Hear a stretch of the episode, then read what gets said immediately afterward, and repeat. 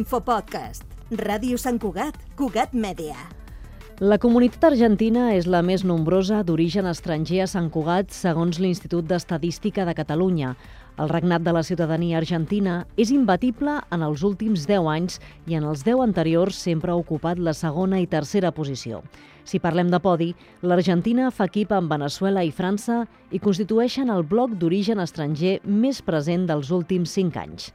Aquests santcugatencs veïns de la Mar de Plata conformen un col·lectiu de 1.800 ciutadans amb una activitat sempre destacada a Sant Cugat entre el 2002 i el 2022.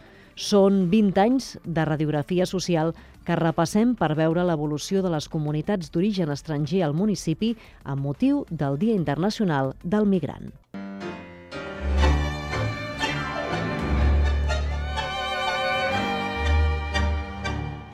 El regnat argentí és estàndard d'una manifestació clara de països sud-americans en el conjunt de comunitats estrangeres.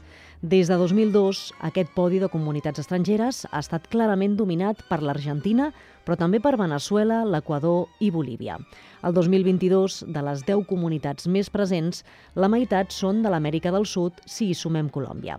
I entre 2007 i 2015, el domini sud-americà és total fins l'increment de població de França.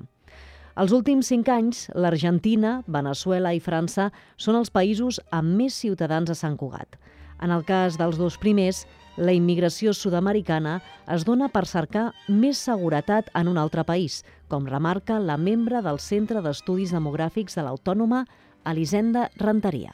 Els argentins i venezolans que estan arribant a Sant Cugat no? serien potser eh, aquests de major nivell adquisitiu no? Entre, els, entre tots els argentins i venezolans que estan arribant a Catalunya, no? Però sobretot són, són migrants que, que, que doncs, sens dubte tenen un nivell educatiu més alt que els altres, que els altres migrants. Renteria afegeix que aquesta migració argentina i venezolana té un alt poder adquisitiu i una millor formació i que per això arriba a Sant Cugat.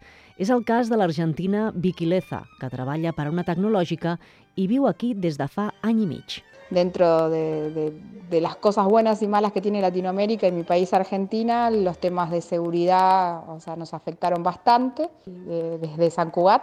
Es un lugar muy verde, hay muchísima naturaleza, la verdad que nos sentimos muy, muy a gusto. Ne me pas, il faut oublier. La ciutadania europea també té una presència important a Sant Cugat. França és la tercera més destacada amb un miler de ciutadans.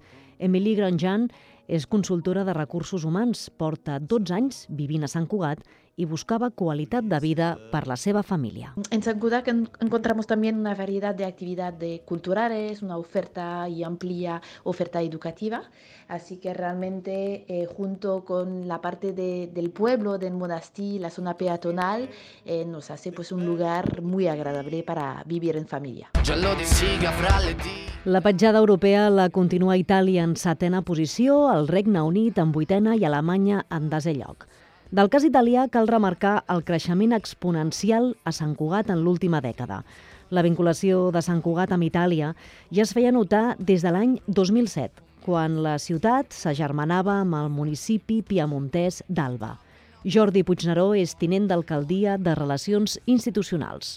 Fruit, diguéssim, doncs, d'aquesta voluntat que teníem eh, des de l'Ajuntament de trobar eh, un agermanament europeu eh, que ens permetés també doncs, eh, que vam implantar, no sé si recordes, la celebració del Dia d'Europa. En fi, bueno, formava part una miqueta d'aquell moment dolç del que significava doncs, la, la Unió Europea.